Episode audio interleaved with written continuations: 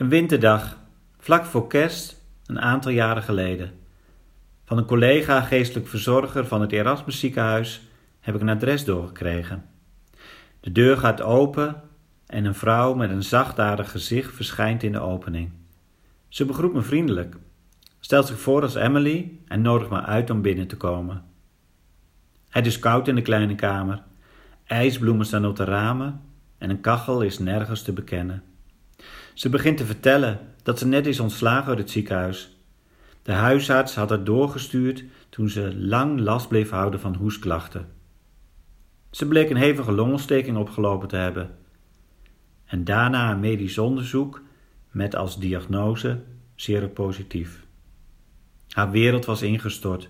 Alle vaste grond is onder haar voeten verdwenen.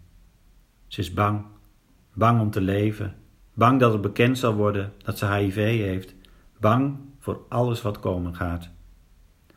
Zomaar een ijskoud verhaal van een Afrikaanse vrouw in de grote stad, zonder verblijfsvergunning, zonder warme kleren en zonder inkomen.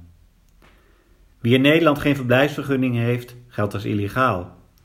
Het beleid van de overheid is gericht op terugkeer naar het land van herkomst. In een grote stad kun je vaak betrekkelijk anoniem door het leven gaan. En vooral levensbeschouwelijke organisaties zetten zich in voor deze groepen. Zo is er in Rotterdam het opvanghuis Plek Zat. De bewoners van Plek Zat zijn uitgeprocedeerde asielzoekers.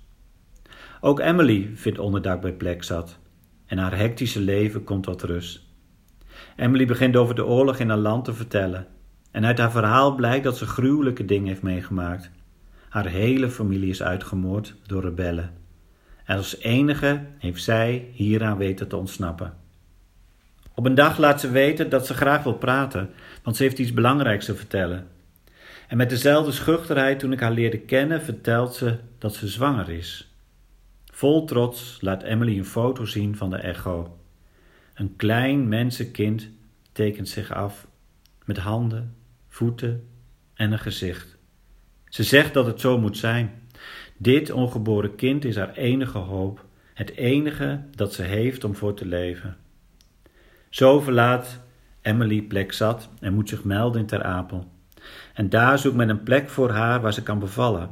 En ze komt terecht in het medische opvangcentrum Veldhoven. Een tijd van wachten breekt aan. En dan wordt het lente. Het nieuwe leven dient zich aan. Daar is ze, geboren als Afke Goebe. Een Nederlandse naam om de verbondenheid met een nieuwe land mee te geven, vertelt Emily, en een Afrikaanse naam om de band met het land van herkomst voor te zetten. Enkele weken na de bevalling zoek ik moeder en dochter op in Veldhoven. Het asielzoekerscentrum is ver weggestopt van de bewoonde wereld aan de rand van de stad, midden tussen de weilanden, omringd met grote hekken. Het doet eerder denken aan een gevangenis met vluchtgevaarlijke criminelen dan aan een opvangcentrum. Emily zit met haar dochter op een eenpersoonsbed in een kleine kamer.